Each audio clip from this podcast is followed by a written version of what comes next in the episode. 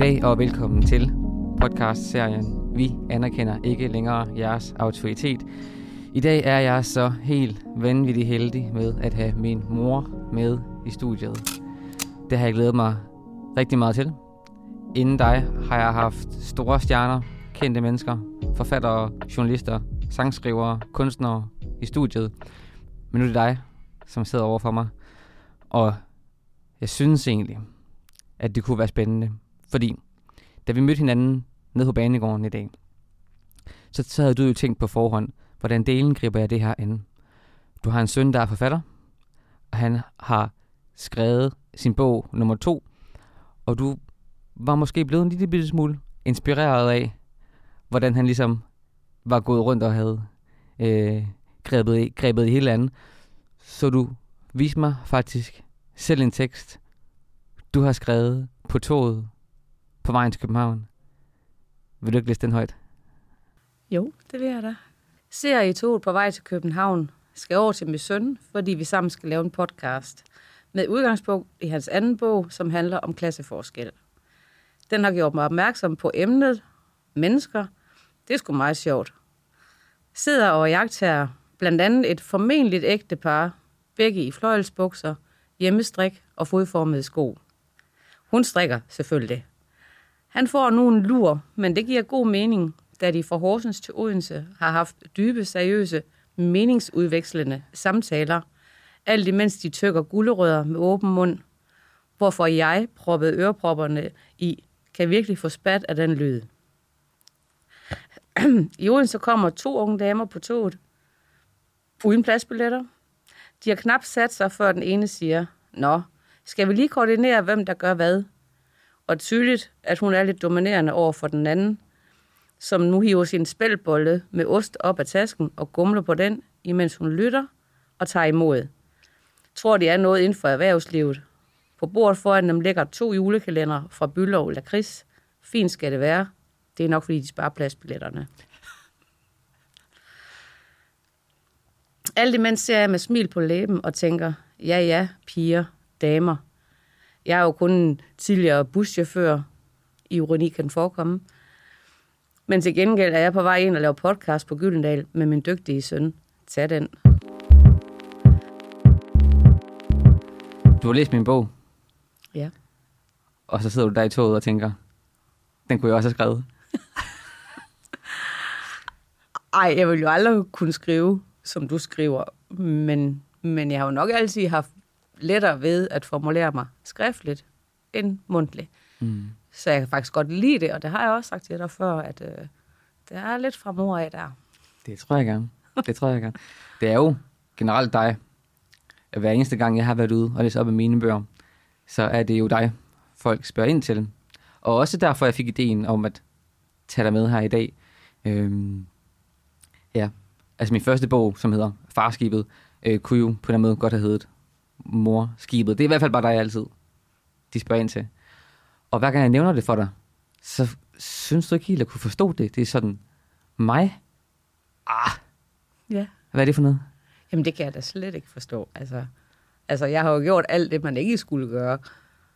S- altså, i form af, da I var små, og ting, der skete, og selvom jeg alt, hvad jeg har gjort, har, har jeg gjort for jer, men, men måske er jeg ved at forlige mig med, at jeg måske lidt kan, kan bedre kan begynde at forstå det, fordi jeg er jo alligevel er kommet igennem, og jeg har stået oprejst, og vi har klaret den, og, og vi har det godt i dag. Øhm, så ja, jo, måske. Jeg skal bare lære at tage det til mig, måske. Så ikke være så ydmyg. Og er det ikke sjovt i det hele taget?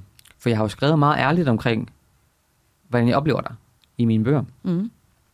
Og det er jo svært for alle mennesker at blive beskrevet i en bog, fordi det er jo et kontroltab. Man overlader sproget til en anden Mm. fortælling. Vores, Ja. vores familiehistorier har jeg fortalt, Ja. og du har jo gjort det anderledes. Formentlig. Du ville jo have skrevet den bog anderledes. Formentlig. ja, ja, ja, ja. Ja. ja. Og så alligevel, så kommer folk ind til dig efterfølgende. Jamen, jeg, jeg, ved, ved- jeg ved ikke, hvad der er, der gør det. Altså, jeg er jo bare mig selv, kan man sige. det tror jeg kan noget. Hva? Ja. Og også folk, der ikke rigtig kender os, de skulle jo bare lige prøve at observere os en dag vi er sammen selv, Mm. altså så, så vil de jo gå endnu mere uh, over at høre, hvad, hvad, hvad vi snakker om, og hvad vi griner af, og mm. hvor fjollede vi kan være, og hvor seriøse vi kan være, og vi kan jo være alle dele. Noget jeg faktisk har lagt mærke til. Der er også en del mennesker, som kan blive misundelige på vores forhold. Øh, ikke sådan ondskabsfuldt, mm. Mm. men mere sådan, det gad de godt, at de havde. Ja. Folk, som har brudt os med noget klasse, som er et andet sted i dag, og hvor de måske ikke har et forhold til deres mor og far længere. Øh, og hvor vi jo øh, har været igennem en, en hel rejse sammen, som blandt andet også inkluderer øh, noget familieterapi, Mm-hmm. hvor vi mødes i Odense en gang hver tredje måned, eller noget den dur. Jeg kommer fra København, kommer fra Horsens, så mødes vi på midten hos en Ja. terapeut. Og det var der alle mulige grunde til, at vi, at vi gjorde, og til at begynde med var vi begge to meget usikre på, om det kunne løse det, vi havde brug for, at det skulle løse. Men nu er det egentlig mit indtryk, at jeg næsten nogle gange godt kan være dig, der spørger, ej, skal vi snart afsted igen? Og der er godt poppe nogle ting op stadigvæk, hvor jeg, hvor jeg tænker, ah, nu er det vist ved at være tid. Men, men, men altså, de bliver mindre og mindre og færre og færre, og jeg vil også sige, uden den terapi, det har jeg sagt mange gange før, så havde det set anderledes ud for os. Mm. Fordi, ja, du har lige selv skrevet, du har skrevet bogen, du har skrevet farskibet på din fortælling, som også var lidt hård for mig, lige her. til at starte på. Ja, jamen, nu tager jeg lige udgangspunkt i farskibet. øhm, som, som var hård at læse for mig Mm. første gang. Ja. Og så blærede jeg tilbage, men havde, havde vi ikke gået i terapi, jamen, så har jeg jo slet ikke altså, haft den samme forståelse for det. Det har jeg sagt mange gange, og det bliver jeg ved med at sige. Ja. Ja, Og det er også det, jeg svarer, når jeg er ude, når mm. Folk spørger, hvordan reagerede din mor så? ja, Og så fortæller jeg dem om vores historie. Og du modtog bogen og læste den på fire dage. mm-hmm. Øhm, ja, det er jo, altså, nu er jeg selv psykolog, og arbejder to dage om ugen med klienter, og jeg må bare sige, at min erfaring er, at det er faktisk næsten kun hver anden gang, eller mindre endnu, at det fungerer for folk, det her med at gå i familieterapi. Det kan godt bare være en mur, de løber imod, eller det skalerer. Mm-hmm. Men jeg har egentlig altid haft indtrykket af, vores kærlighed til hinanden har været sådan fuldstændig voldsom, fra jeg blev født. Altså, der har aldrig været noget. Øh, så har der været nogle omstændigheder. Der har været Ja. selvmord. Der har været nogle stedfædre. Der har været noget mm, manglende ressourcer og whatever. ja, Men den der sådan med, at vi vil hinanden, grundlæggende altid været der jo. det har altid været der. Ja, det har det. Ja. Og altså, Ja. i forbindelse med min, min egen uddannelse, og at jeg selv ser, jeg er blevet superviseret og ser selv en psykolog, Mm-hmm. så spurgte jeg ham også en gang, hvordan kan det være, at jeg ikke er blevet mere fucked, end jeg er med det, jeg har været igennem, osv. osv. Og så sagde han faktisk til mig, at jamen, mm, du har jo aldrig været i tvivl om kærligheden fra din mor, og det er jo virkelig, virkelig et privilegie, Ja. som jeg også skal tage på mig. Altså, det er der mange mennesker, der ikke øh, er så heldige med.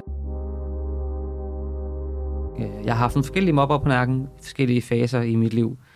Det er lidt random hver eneste gang, hvad det lige er. Enten så er jeg, har jeg udstående fortænder, eller så er jeg bootet, eller så er jeg svanset, eller så kender jeg ikke lige koderne, eller så er Ja. folk bare misundelige. Ja. Øh, ja. Den er måske en lille bitte smule lang her, så jeg overvejer.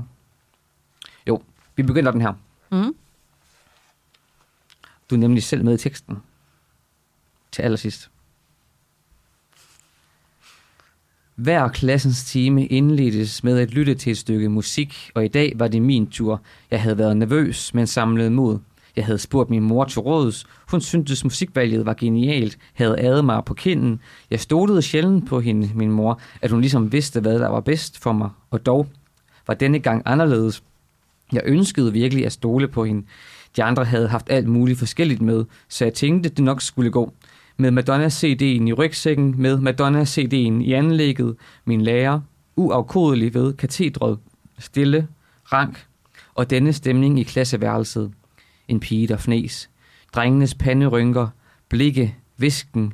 Tak for det, Glenn, sagde min lærer, da nummeret var over. Rakte hun mig CD'en igen, og vi smilte til hinanden, vel egentlig temmelig trygt, indtil frikvarteret, hvor Troels, min mobbers nye idol, top fodboldspilleren, som aldrig havde talt til mig, ville vide, hvad fuck det var for noget Madonna, jeg havde med. Altså, drengen så genuint målløs ud, anfægtede, som var verden styrtet sammen et øjeblik, for jeg var jo dreng. Selv havde Troels haft rapmusik med. Linkin Park gik også an der i start nullerne. Jeg vidste ikke, hvad jeg skulle svare. Skulle jeg forsvare mig selv? Hvorfor? Også jeg var forvirret. Noget var galt. Så meget forstod jeg. Noget var galt, og dette noget måtte være mig. Intet svarede jeg. Måske mumlede jeg, imens Troels forlod lokalet, og alle andre ligeledes forlod lokalet. Pigerne, forlegne, drengene, hovedrystende, jeg mener, what to do? Håb, at det hele er glemt i morgen, Glenn. Hvis du møder op i skole i morgen, hvis du endnu lever og således møder op i skole i morgen, og det hele leder til at være glemt, så har fællesskabet vist dig noget, ikke tilgivet dig, men forskånet dig. Hvem ved? Min mobber lod mig i midlertid ikke slippe så nemt. Vi havde været til fodboldtræning, stod nu i omklædningsrummet, han og jeg og hans ven. Pissede sommetider på mig under bruseren, det gjorde man, drengeren, strandede på hinandens ben og lår for sjov. Lige den del havde jeg intet imod. Nu stod vi i omklædningsrummet, mig med ryggen, mig med ryggen til, pakkede måske tasken, og ordene faldt. Hey, hvad så, kanintand? Det var mine fortænder, mobberen hentydede til, når han, når han kedede sig eller lige skulle underholde en ven. Dette var årene inden bøjlen. Selv lærerne så væk. Når min mobber lagde vejen forbi, slyngede arm omkring mig, parrede, lavede kaninlyde, så også bordet, jeg sad ved, fnes. Lettet over ikke at være dem, det gik ud over. Hey, kanintand, gentog min mobber, trådte nærmere bag mig, vinden kluklæende. Tilbageholdt på den der måde, så når man godt ved, det er forkert, hvilket er det værste at være vidne til som offer, er ureflekteret ondskab en ting. Ambivalent, tilladende ondskab stikker straks dybere, virkelighedsforstyrrende, indgivende større selvhed, end når mobberen blot var en eller anden stakkel. Selv trak jeg i jakken, turde ikke bukke mig for at binde snørbåndene, inviterende et nakkeslag. Stormede ligesom ud på parkeringspladsen, hvor mor ventede i bilen. Ja, jeg havde faktisk glemt, hun ville være her i aften. Åbnede døren, satte mig, og hun befalede. Hey, hvad så? Glenn, jeg kan se det på dig. Sig mig, hvad er der sket? Jeg brød sammen. Nej, nu kan det være nok. Hvor er de? sagde hun, min mor. Og drengeren kom ud fra hallen, fik øjenkontakt med os gennem forruden, regnen om aftenen. Der, svarede jeg. Det er ham der. Og du er sikker, spurgte hun. Min mor flåede selen af. Jeg havde allerede opgivet at tale hende ned igen. Mor er afsted som i gamle dage blandt rockertøserne. Således stod hun med min mobber i skjortekraven løftet op imod indgangspartiet, og jeg hørte slet ikke, hvad der blev sagt. Mobberens ven forstenede ved siden af, altså hun var rasende, om han forstod. Nej, kunne fanden vil jeg slappe af din mide. Næste gang får du en på lampen, om han forstod, hvem hun kendte her i byen, at han endelig skulle involvere sine forældre, så kunne de alle få sig en snak, om han forstod, og det gjorde han. Min mobber aldrig mobbede han igen. Det er sandt. Jeg nægter at kalde dig en held, mor. Jamen, det var da måske heller ikke sådan helt vildt helte statusagtigt, men jeg fortryder det ikke. Og jeg gør fandme det samme igen, hvis det skulle blive nødvendigt. Altså, jeg er en, en løvinde, der beskytter hendes unger, og øh, måske lige ordsproget i, hvad jeg fik sagt, ikke er det korrekte. Men igen, nej, jeg fortryder det ikke. Og det der med Madonna-CD'en, det kan jeg se og blive så rasende over igen, bare vi taler om det. Fordi, hvorfor skal man ikke have lov til at det med, man kan lide? Hvorfor skal man ikke have lov at vise, man er sig selv? Jeg hader den kultur, og jeg havde den, og jeg, jeg, jeg anede ikke dengang. Jeg anede ikke, at det var sådan, at, at så kan man blive drillet for at være svans eller homo, hvis man har Madonna med. Hvad fanden er det for noget? Undskyld. Ja. Jeg tror ikke, jeg sagde det. Gjorde jeg det? Nej, det gjorde du ikke. Nej. Men jeg kan godt huske, at I skulle have det der musik med. Og så ser jeg, tænker, så, så, så ser jeg, jeg siger, at det er fint, Glenn, for det synes jeg, det var. Og, og, så, og så blev jeg harm over, at du så alligevel også skulle blive mobbet, når jeg nu har set det sagt til dig, at det var fint at tage det med. Fordi jeg har altid lært jer og også sagt til jer, at I skal tro på jer selv, og I er gode, som I er, og I skal stå ved det, I er. Og det har jeg også sagt til andre, som, som nogle gange siger, det har vi, det har vi aldrig fået lige før. Jeg siger, nej, men det er sådan, jeg synes, det skal være. du har jo også selv stået alene i en tidlig alder, hvor du har måttet kæmpe Ja, dagen lang Ja. for at betale huslejen og ja, overleve. ja, ja. Mange gange i dit liv. Ja, jeg var 12, da min mor døde jo. Så der startede mit voksenliv, kan man sige. Så Ja, på godt og ondt. Hvor gammel var det nu, det var, da du flyttede sådan hjemmefra første gang? Jeg tror, jeg var, var jeg 16,5, da jeg fik min lejlighed. Det er vildt. Første lejlighed. Mm. Altså sammenlignet med mig, så er det jo vildt. Ja. Jeg var- Jeg er 27, da jeg blev enke med, med jer to. Mm. Det er også tidligt. Mm. Ja. Og nu Mm. du øh, senatale måske tatoveret på, øh, er det benet? Det er det. Og, og regnbue og lystfisker på underarmen. Mm. Ja, det er den vigtigste tatovering, jeg har. Kan man sige, at du, øh, at du også har lært dig nogle mottoer, livsmottoer, som du holder dig fast, som du holder fast i, som har givet dig noget?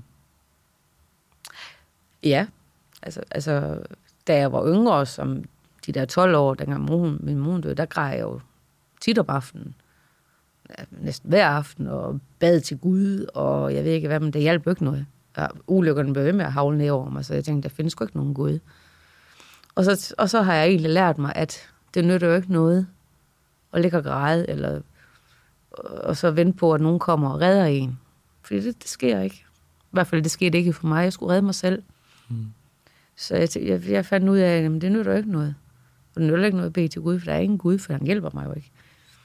Så Er det ikke også svært så at nå det sted, du er nået til i dag, i dag, hvor du har kæmpet og kæmpet og arbejdet og arbejdet og præsteret dobbelt så hårdt som dine jævnaldrende og øh, måske ikke haft særlig meget sådan til overs for at ligge på sofaen og lave ingenting. Altså der har virkelig været, du har virkelig kæmpet. jeg var run på, ja. Men nu er du nået et sted i dit liv, hvor du faktisk skal lære at slappe af. Ja, men det, det er jo det, der overrasker mig rigtig meget. Det er, at det har jeg jo egentlig lært utrolig hurtigt. Ja. Hvilket jeg troede aldrig skulle ske. Mm. Der er der også mange ting, jeg stadigvæk savner ved at have en, og dele livet med. Altså 20 år, det er også mange år, men Det er for nummer to, vi snakker om. nu. Ja. ja. ja. Og, og der har vi haft mange snakker om, du og jeg også, at jeg, hvor jeg tit har sagt, jamen jeg kan ikke være alene. Jeg kan ikke finde ud af at være alene. Så det var jo min største frygt. Men, men, men fra dag et af har jeg bare, altså jeg føler bare, at jeg har ro. Jeg føler, at jeg hviler. Jeg føler, at øh, nu er jeg jo ikke længere den, der skal rende og male og sørge for, og sørge for, og sørge for, og sørge for, og sørge for. Nej, nu kan jeg lægge mig på sofaen og bare have det godt med det. Mm. Det er jeg overrasket over, så hurtigt jeg kom ind i den øh, nye, jeg ved ikke, jeg ved ikke, hvad man skal kalde det. Liv. Ja. Ja. Ja. Og give slip på børnene og til, have tiltro til, at Ja, det, øh, der er jeg også rykket mig et godt stykke. Mhm. Måske ikke helt i mål endnu, men bliver, kommer man nogensinde det som mor, det tror jeg sgu ikke. det skal jeg ikke kunne sige. Jeg er ikke Nej, tror jeg endnu. ikke. Jeg er ikke forældre endnu. Nej, Øhm, jeg tror hele tiden, man vil med den der. Ja. Selvom I, I har det godt, og I klarer jer godt, og Mm. så har man nok altid den der. Altså, jeg bakser stadigvæk med det der med at lære at slappe af. Altså, jeg Ja. arbejder jo alt for meget, og jeg... Vi har ikke haft samme opvækst, men det, meget af det minder jo om, og jeg har jo også følt mig alene, og har kæmpet med alt for meget i en tidlig alder. Og har fået en forfærdelig høje karakterer, fordi jeg har overkompenseret, mm. og tænkte, at det var vejen væk fra, fra Mm. Horsens og, Mm. og sådan noget. Ja. Jeg, jeg, jeg står et sted nu, hvor jeg... Det er fordi, jeg, jeg, jeg har sådan en... Jeg føler på en eller anden måde, at, at det hele kan blive taget fra mig med et lydnedslag. Gør du? Ja. Den sidder i mig. Ja, den, den, sidder dybt i mig, at jeg kan sidde her, og så kommer jeg hjem, og så er der en mail fra skat, og så har jeg overset noget, og jeg skylder 500.000. Ja. Vi, vi, vi lakker lidt imod enden her, og det er sådan med øh, formatet her, at øh, vi skal have udviklet eller fundet på noget, der hedder et credo. Mm, Ja. Det er jo spændende, for jeg ved ikke, hvad det er. Men det kan du så fortælle mig. Ved du, hvad det betyder? Nej. Øh, credo. Det betyder sådan noget som, som motto, måske, eller sådan noget, man kan putte på en t-shirt. Altså, faktisk sådan noget Sanne Salomonsen øh, tekst, som du har Ah. tatoveret på din krop. Mm. Øh, det kunne være et credo. Sådan lidt. Statement. Ja, Nej. jo, jo, jo. Ja. ja. Mm. Med, med baggrund i, hvad vi har talt om i dag, så skal vi finde på et credo. Bare ganske kort. En sætning, som jeg skriver ned. Som øh, hvis folk, der spejler sig i, hvad vi har fortalt om i dag, eller øh, er inspireret af det, eller et eller andet, på en eller anden måde skal tage det her budskab med sig videre. Uh. Nu, nu, nu, nu brainstormer vi bare. Altså, nu Ja. kaster jeg bare lige nogle ting i luft. Det er ikke det, der skal... Det, altså. De vigtigste budskaber for mig er jo, er jo øh, sammenholdet mellem dig og mig og René. Øhm, øh, det her bånd, det tætteste, sådan familiære bånd. Giver det mening? Mm. Og, og stadigvæk vil jeg stadigvæk også sige, det, og det kan heller ikke være et credo, det er ikke det, jeg siger, men den der terapi der, skal man ikke kæmpe sig af, det skal man ikke negligere. Og jeg tror virkelig, at der var mange, der kunne have gavn af det. Men det kræver selvfølgelig lige så gode til det, som vi har været. Ja, fordi vi har været skide gode. Det har vi. Ja. Altså, altså, det kan vi jo bare spørge ham om. Ja. Vores øh, kære øh, psykolog derovre i Odense. Men i vores tilfælde, der handlede halvdelen, 75 procent, jo også om omstændighederne. At der måske var en anden person, der forvoldte noget splid imellem os. Nej, for mig handlede det om, at, at du fik lov at sætte ord på alle de ting, du har sat ord på. Altså, hvordan du har, op, hvordan du har haft det med tingene, hvordan du har set tingene, som jeg aldrig har anet noget som helst om. Fordi der har jeg ikke haft tid til at se, altså, for jeg bare har stormet derud af. Det er det vigtigste for mig.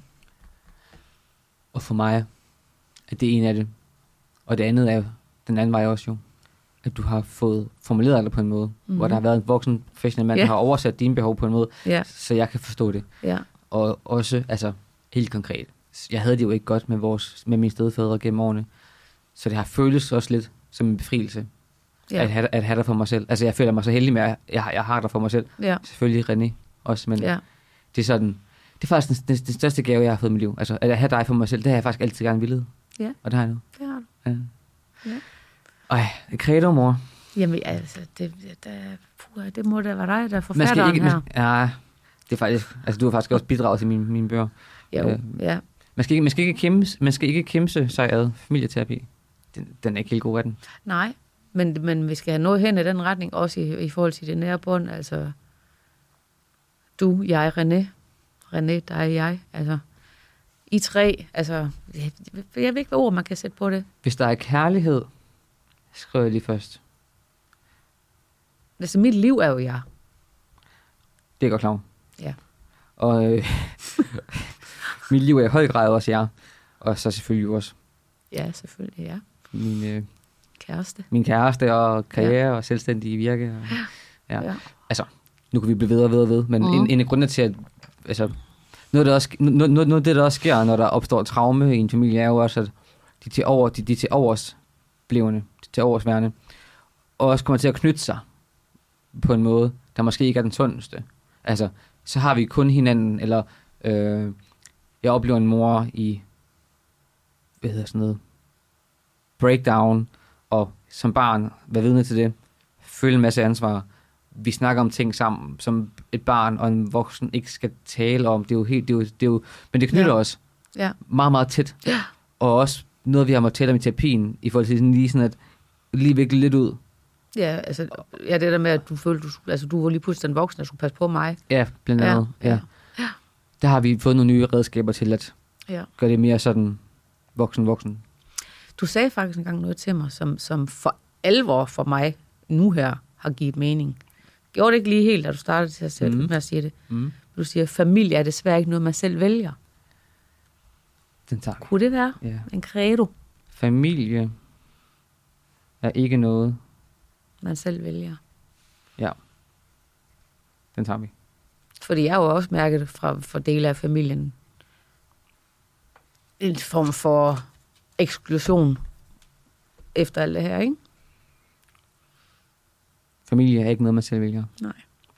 Jamen, det har du. Altså, øhm, det er svært med bøger. Det, det, det, det er svært, også fordi vi er, nu, nu, nu bliver jeg grov i munden, men vi er blevet så ødelagte af øh, folkeskole og gymnasie, at vi læser symbolsk, når vi læser tekster. Vi læser os selv ind i tekster. Vi kan simpelthen ikke forstå, at litteratur er ligesom film og kunst og noget helt andet, der ikke handler om os bare, fordi vores navn står i den. Og, og, der, og der er en scene, hvor vi genkender selv i. Så folk tager det helt vildt meget personligt. Ja. Øh, Ja. Og det har du også lidt under, fordi du har haft tekst med i min første bog, hvor du beskriver din forhold til dine forældre. øhm, og der har været noget der, som har været kompliceret. Ja. Men det er vi jo heldigvis mere eller mindre ud over. Det vil sige, det er vi ude over. Det synes jeg, vi har været længe, Glenn. Godt. Glenn Bæk. Glenn Bæk. Jette Bæk. Ej, jeg vil lige sige, vil jeg lige slutte af med det der credo der med familie. Altså, altså, alting gik jo galt, da vi havde et familiemedlem, som skulle blande sig i alting, som, som ikke kendte os, som måske har været til to konfirmationer og besøgt os en gang i 20 år, som lige skulle være ind og være, være overdommer, har jo egentlig gjort det hele rigtig, rigtig strengt for mig. Vi, altså, Ja. din si- sidste sted fra, jeg havde, havde det jo egentlig klart det sådan set fint nok, indtil der lige kom sådan en indblanding ude fra den der familie.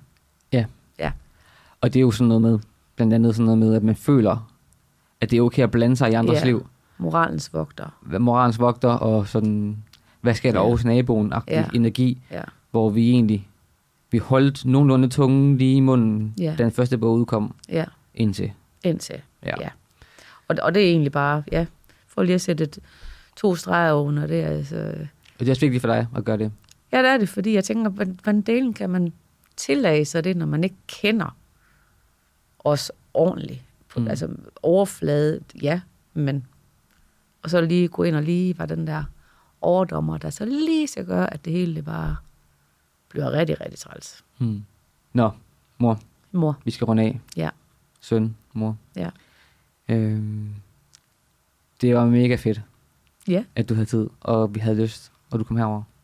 det var, det var, ja, det var dejligt. Jeg glæder mig til det. Også mig. Men det var også øh, betryggende, at det er dig, der skal være intervieweren. Så, så vi kender jo hinanden. Det må man sige. tak for nu. Selv tak.